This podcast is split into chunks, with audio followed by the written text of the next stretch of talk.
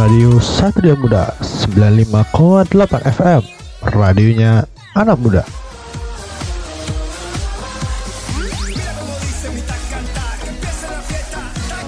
Kembali lagi sobat setia dengan Nabil di sini akan menemani minggu kalian selama 40 menit ke depan dengan musik-musik dan berita-berita terhangat minggu ini. Silahkan mention di Twitter kita at Satria Muda FM.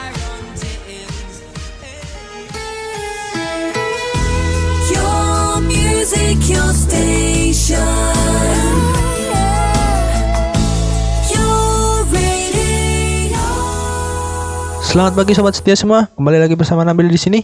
Tentunya di frekuensi kesayangan Anda di Satria Muda 95,8 FM, radionya anak muda. Bagaimana kabarnya hari ini sobat setia semua? Semoga baik-baik aja ya. Seperti biasa di minggu pagi yang cerah ini, Nabil bakalan nemenin kalian selama 40 menit ke depan. Tentunya di acara yang ditunggu-tunggu setiap minggunya, yaitu Simoki, siaran morning pagi. Yang akan diselingi lagu-lagu hits terkini ataupun nostalgia zaman dahulu. Di mana sobat setia juga bisa request lagu dan kirim-kirim salam di Twitter kami di @satriamudafm. Dan gak ketinggalan juga tentang informasi-informasi yang up to date pastinya. Untuk mengawali pagi hari ini, biar tambah semangat, wah, Nabil bakal puterin lagu dari Run yang berjudul Selamat Pagi. Check this song.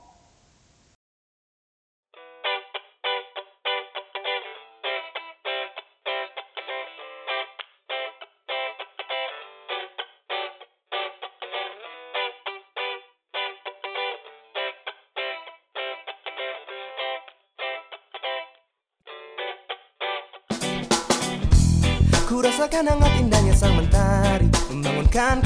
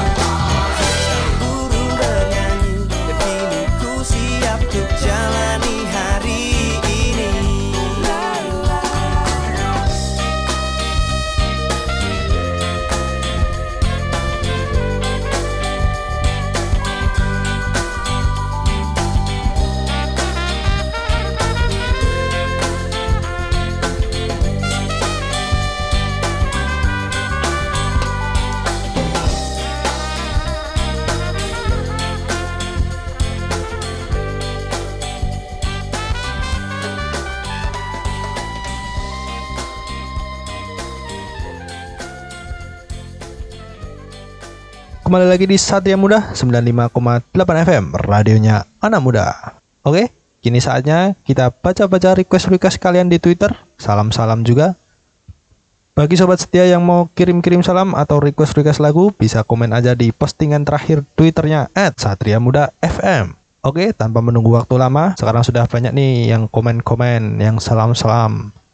Karena banyaknya komen-komen dan salam-salam, kita pilih dua aja ya. Yang pertama datang dari Mbak Dina. Mas, titip salam buat Mas mantan. Waduh. Eh, kata Mbak Gina, lama nih nggak dengar kabar dari mantanku. Tapi di mana pun kamu berada, Mas mantan, waduh. Semoga tetap baik-baik dan sehat selalu ya. Wah. Dan di sini Mbak Dina request lagu dari Pak Deddy Dikempot. Wah, almarhum dengan judul Cidro. Waduh. Lagu Sobat Ambiar nih. Kayaknya cocok banget buat menggambarkan perasaan Mbak Dina saat ini ya. Ya mungkin karena Mbak Dina sudah menemukan pengganti dari Mas Mantan kali ya, makanya request lagu tersebut. Ditunggu ya Mbak lagunya. Ngomong-ngomong nih tentang Pak Deddy, wah sedih banget ya pas tahu kabar Pak Deddy Kempot meninggal. Padahal terakhir kali nonton Pak Deddy di Kempot itu hmm, di Jogja, di Mandala itu.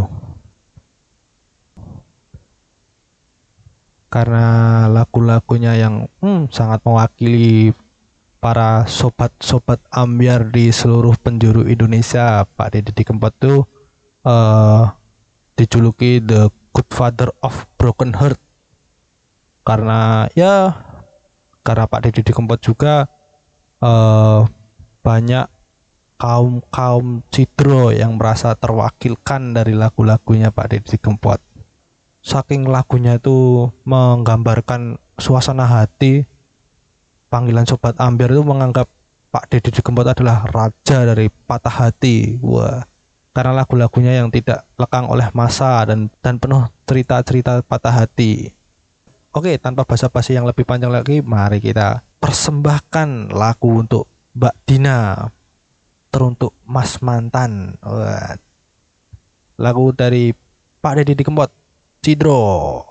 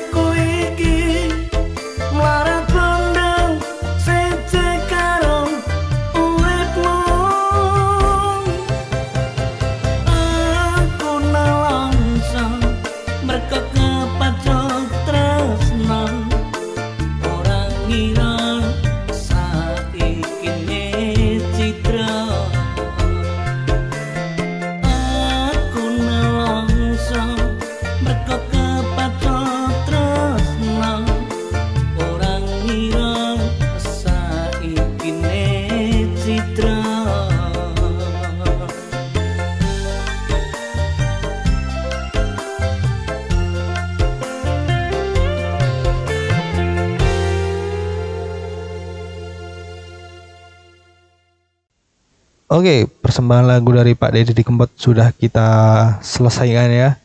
Persembahan untuk Mbak Dina. Ya, kita balik lagi ke Twitter nih. Kita baca-baca lagi top komen top komennya siapa nih. Oh, ini ada dari Mas Rifki buat Mbak Tata yang katanya salam kenal ya. Waduh, gitu doang katanya. Semoga Mbak Tata lagi dengerin radio Satria Muda ya. Wah. Dan di sini Mas Rifki request lagu dari Endang Sukamti, mantan jadi teman. Oke, langsung saja nggak usah pakai lama. Kita puterin lagu requestan dari mereka. Tapi jangan ke mana-mana, tetap stay tune di 95,8 FM radionya anak muda.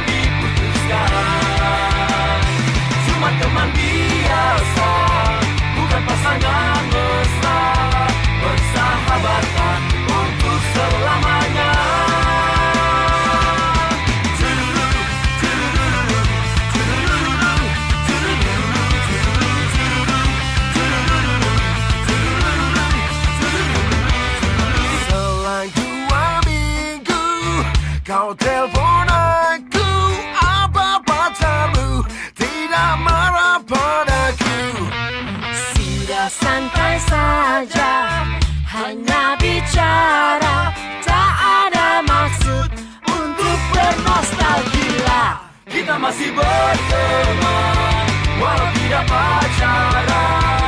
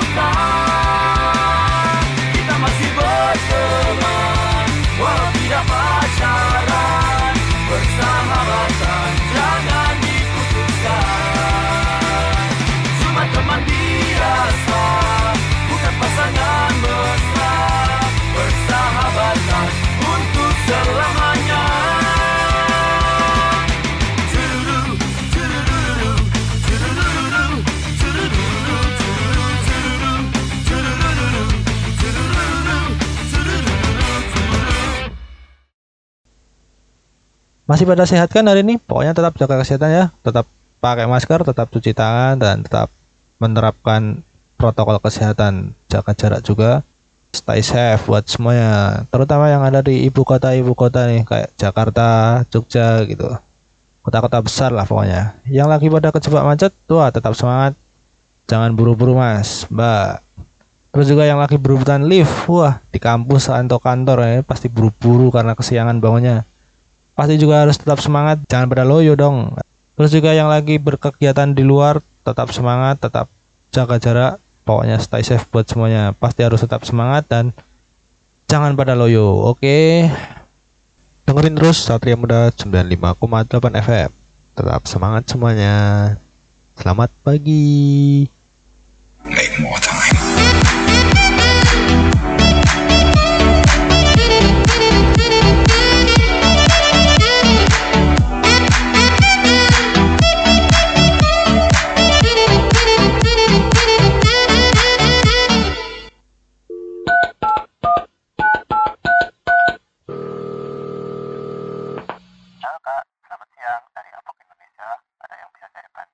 Halo Kak, selamat siang. Eh, jadi gini Kak, saya mau cari iPhone 8 yang 64 GB warna black. Ada nggak ya Kak?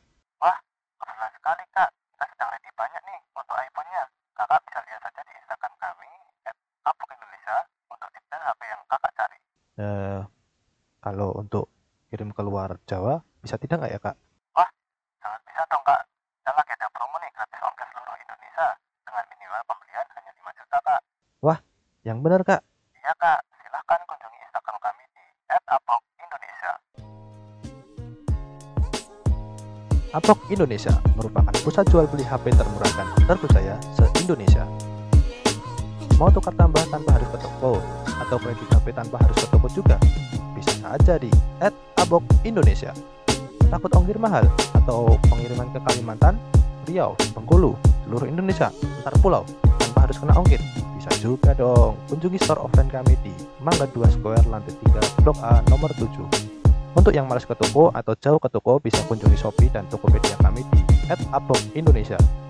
Atau bisa juga hubungi WhatsApp admin kita di 0812 223 456.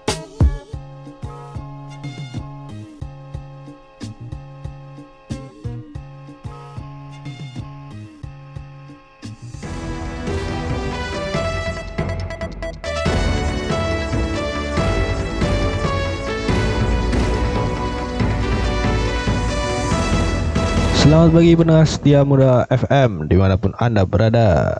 Jumpa lagi dengan saya Nabil dalam Baca Berita Pagi. Kali ini kita mau bacain nih tentang dunia seputar teknologi yang ada di luar sana dan sedang hangat-hangatnya. Sejumlah berita teknologi hangat telah kami siapkan untuk Anda pagi ini. Di antaranya Sony Xperia bakal merilis ponsel terbarunya di tahun 2021 ini. Dan 5G udah hadir nih di Indonesia. Siapa sih yang nggak sabar pengen ngerasain jaringan 5G di Indonesia ini? Langsung saja ke berita yang pertama. Sony baru saja mengumumkan acara Xperia yang akan digelar pada 14 April tahun ini berdasarkan akun YouTube Xperia. Sony akan meluncurkan produk terbarunya dalam acara yang akan disiarkan pada pukul 4.30 waktu Jepang atau sama dengan 3.30 IM dan 12.30 PM. Dilansir The Verge, Jumat 2 April 2021. Pengumuman tersebut sama sekali tidak menyebutkan produk seperti apa yang akan diluncurkan oleh Sony. Meski demikian, Sejumlah rumor menyebutkan Sony akan meluncurkan produk flagship Xperia One generasi ketiga dengan kemunculan kembali Xperia Compact yang menjadi jawaban dari versi Android atas atau iPhone mini. Rumor lainnya melaporkan bahwa Sony akan merilis versi terbaru Sony Xperia 5 dan 10 tanpa menyebutkan seri compact sama sekali. Tetapi yang pasti, Sony akan menyuguhkan versi ponsel pintar terbarunya saat acara nanti. Seri terbaru Xperia One generasi ketiga disebut-sebut akan memiliki lensa periskopium layaknya sebuah Android flagship pada umumnya. Kemungkinan versi terbaru kali ini akan dilengkapi oleh Snapdragon 88 untuk prosesornya dan memori RAM dengan 12 GB dan telah support jaringan 5G dan layar 4K 20Hz. Informasi selanjutnya mengenai Sekjen Pusat Kebijakan dan Regulasi Telekomunikasi Institut Teknologi Bandung atau ITB, Muhammad Ridwan Effendi mengungkapkan bahwa sudah saatnya layanan 5G hadir di Indonesia. Sudah tepat, di kita sudah ada kebutuhan akan kecepatan internet yang tinggi dan delay yang rendah. Itu sudah banyak permintaannya. Kata Ridwan saat dihubungi Detiknet Kamis 27 Mei 2021. Permintaan akan jaringan 5G ini tidak hanya dalam industri saja, tapi juga pelanggan biasa, sektor usaha, mikro kecil, menengah. Juga dinilai membutuhkan internet yang super ngebut yang ditawarkan oleh 5G sebagai upaya digitalisasi. Untuk aplikasi dengan critical delay kecil, seperti dengan telemedis, dan interaktif game sudah tidak bisa lagi menggunakan jaringan 5G katanya. untuk pelanggan perorangan, juga karena permintaan broadband untuk aplikasi video meeting untuk sekolah dan untuk work from home sudah cukup besar permintaannya, jelasnya. Untuk tahap awal, Telkomsel sebagai provider pertama yang akan memanfaatkan frekuensi 2,3 GHz-nya dalam menghadirkan layanan 5G secara komersial pada pelanggan. Lokasi pertama yang akan mendapatkan 5G dari provider Telkomsel berada di wilayah residensial di wilayah Jabodetabek, yaitu Kelapa Gading, Pondok Indah, Pantai Indah Kapuk, BSD, Widya Chandra, dan Alam Sutera. Selain itu, ada 9 lokasi di 8 kota yang juga akan menikmati layanan 5G. Di antaranya Medan, Batam, Bandung, dua lokasi di Telkom University dan ITB, Balikpapan, Solo, Jakarta, Makassar, dan Denpasar. Khusus untuk 9 lokasi tersebut, selain Bandung, belum diketahui secara pasti apakah layanan 5G Telkomsel itu juga menyasar wilayah residensial atau area industri. Radio Satria Muda 95,8 FM Radionya anak muda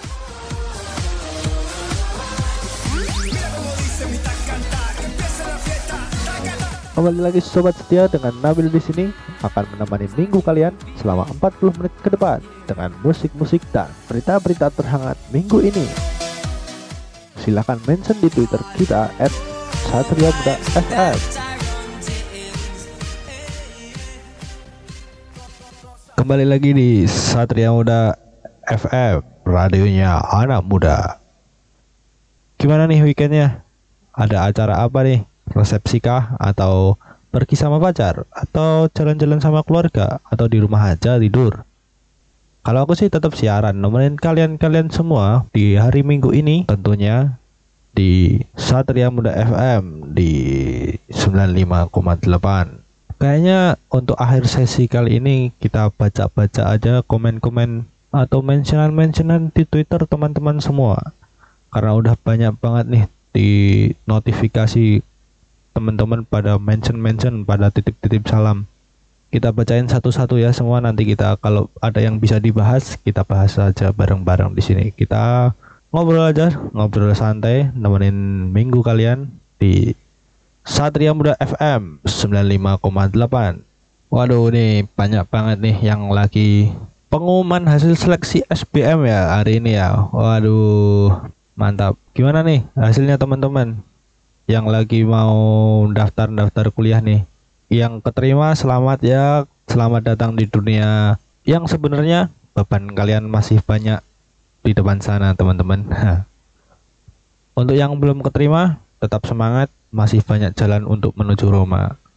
Dari Mbak at FR Namelia. Ya Allah, year-ku gak sia-sia min. Makasih ya Allah. Sambil ngirim gambar ini apa ya?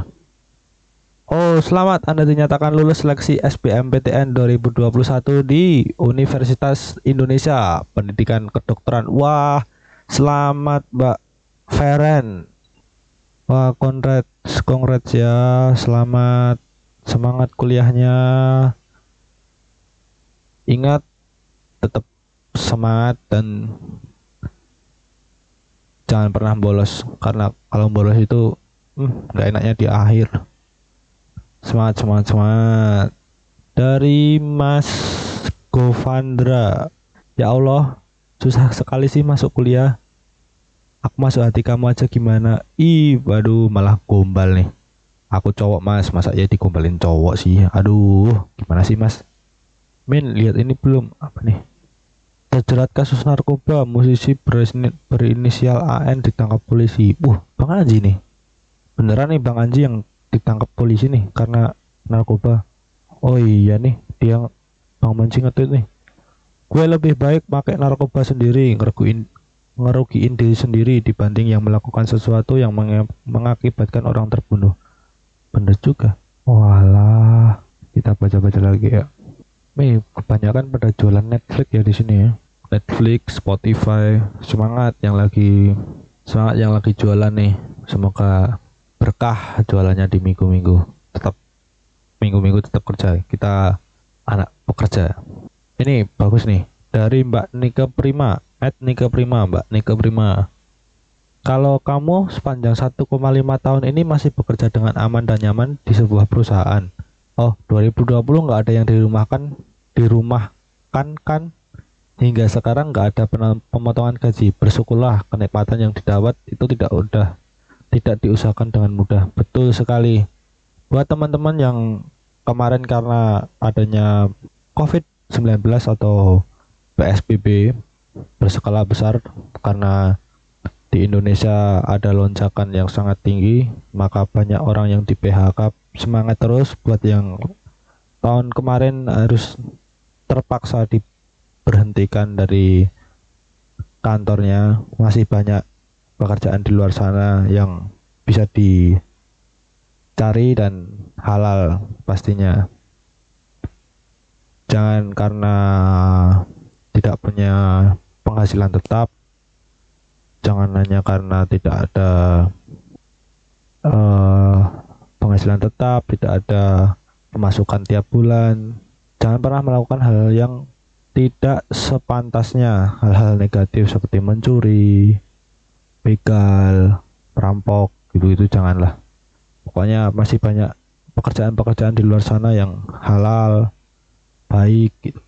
Ya, lanjut lagi di lagi-lagi nih kita masih baca mention-mention dicari yang yang bagus-bagus saja oh ini dari mbak underscore la underscore las laras Yamin aku yang tahun 2020 dirumahkan karena corona terus dipanggil lagi terus sekarang kembali dirumahkan karena perusahaan sudah mulai oleng hanya bisa pasrah kalau masih rezeki ya kembali kerja kalau enggak ya udah terpaksa pindah kerjaan ya betul kali mbak kita tetap berusaha cari pekerjaan yang menurut kita cocok dan yang pasti halal.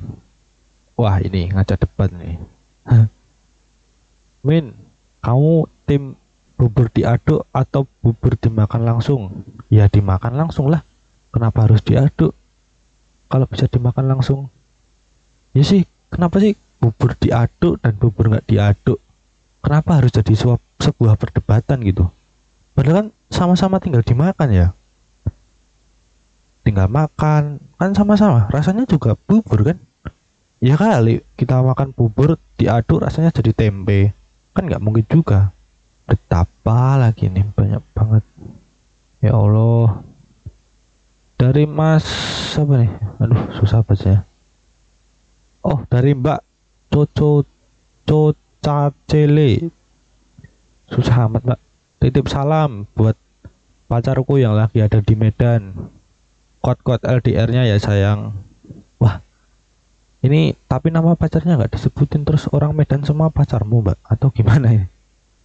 Titip salam juga buat Mas Dino dan Mas Ali temanku yang kemarin ketemu di Gunung Merbabu. Oh kemarin habis mendaki mbak.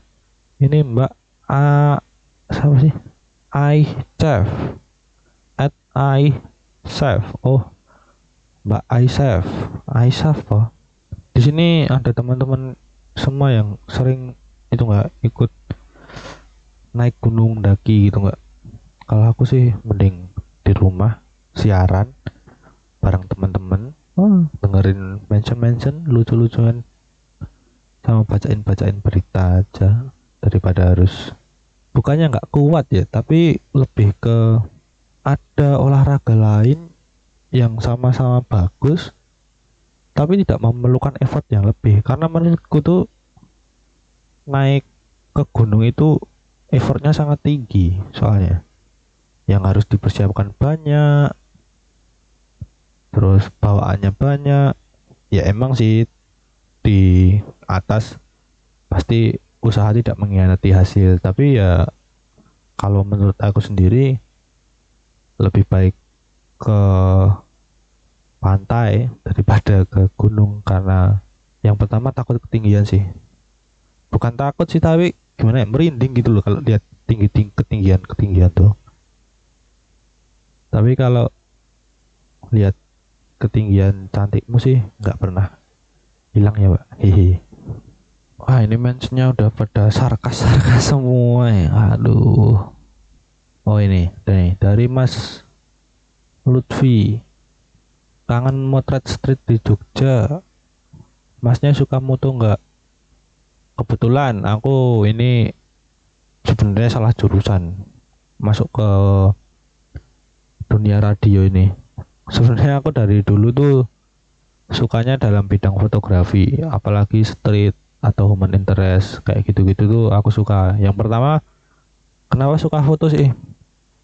Aku cerita dikit ya ini kenapa sih aku suka foto? Yang pertama foto itu tuh kalau menurutku bisa meluapkan apa emosi yang ada di dalam diri kita. Misal kita lagi bad mood nih.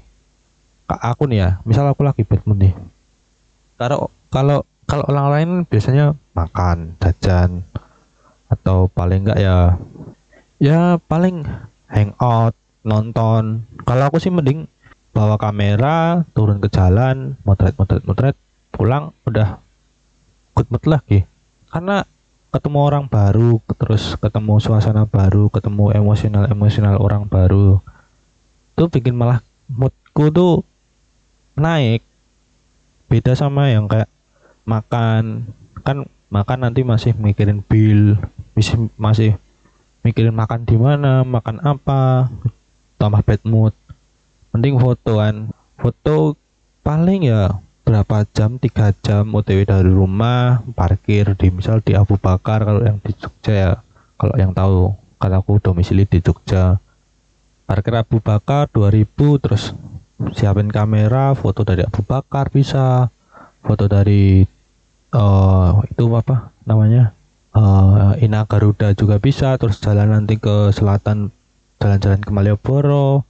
Nanti Ramayana belok kiri itu kita ke ke, Tan- ke Tandan kita banyak spot-spot sih di Jogja tuh tapi ya tergantung orangnya juga sih. Kalau orangnya emang suka foto pasti aku yakin dari dari beberapa pilihan pelarian diri dari good dari bad mood itu pasti motret.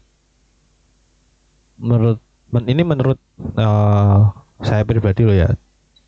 Kalau misal teman-teman di sini ada yang kalau bad mood malah ke clubbing atau ke mana silahkan Ta- tapi kalau aku lebih lebih lebih baik mencari hal positif kayak mending motret kita bisa ketemu orang baru kita bisa ngobrol dengan orang baru kita tahu eh kita tahu suasana hati orang baru kita bisa cerita kita bisa tahu cerita cerita mereka mereka yang kita foto.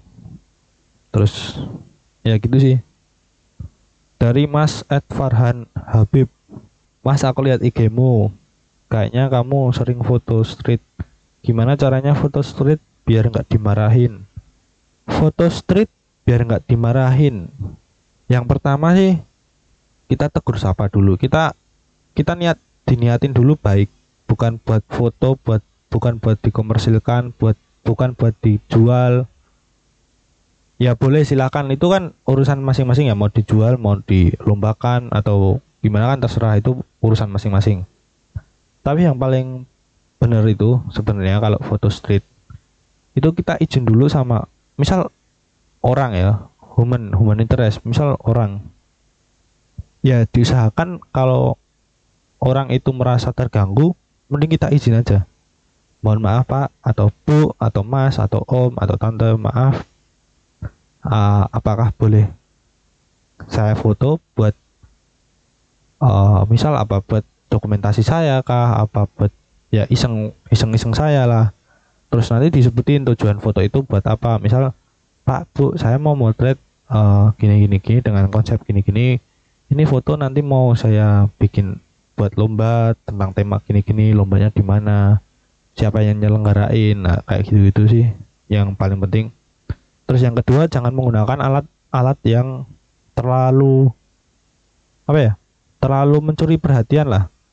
Apalagi pakai flash eksternal atau ya flash eksternal nggak apa-apa sih tapi bukan eh, lighting yang besar kayak kodok SL pakai softbox gitu nggak usah.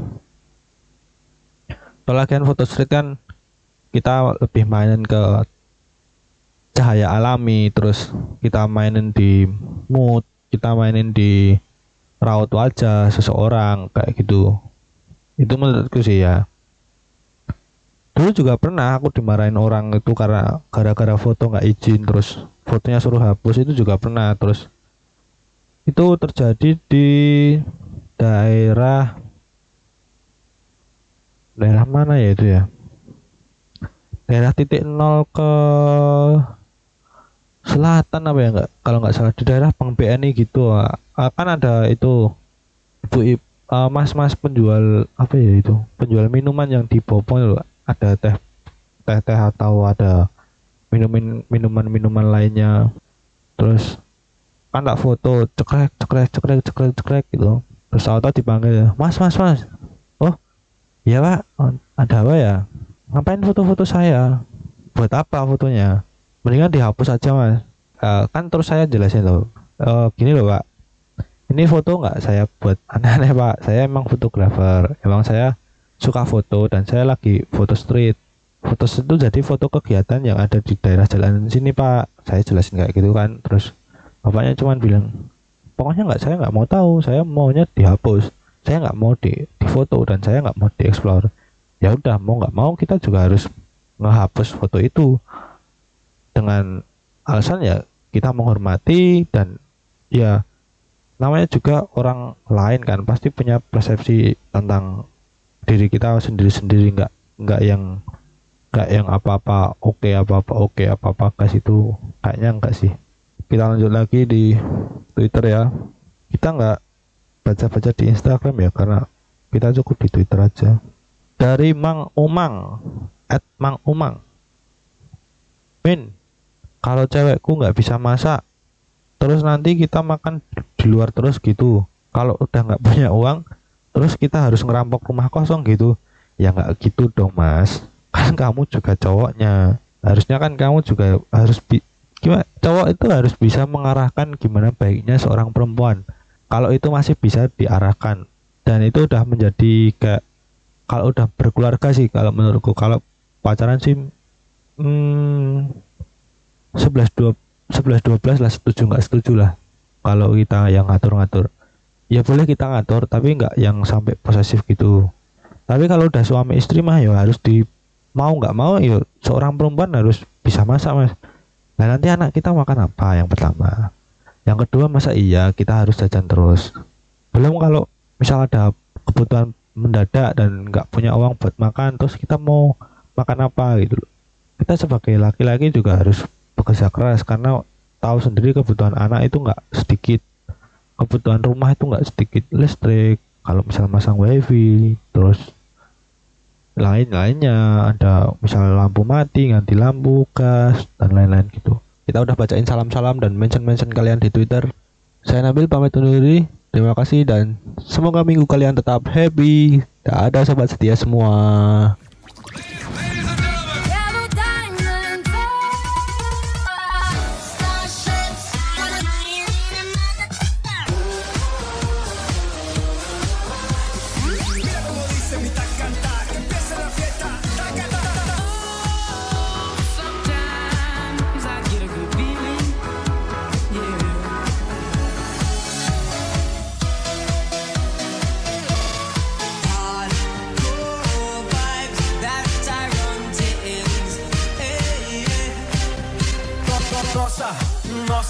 assim você me mata. Ai, se eu te pego, ai, ai, se eu te pego, ai.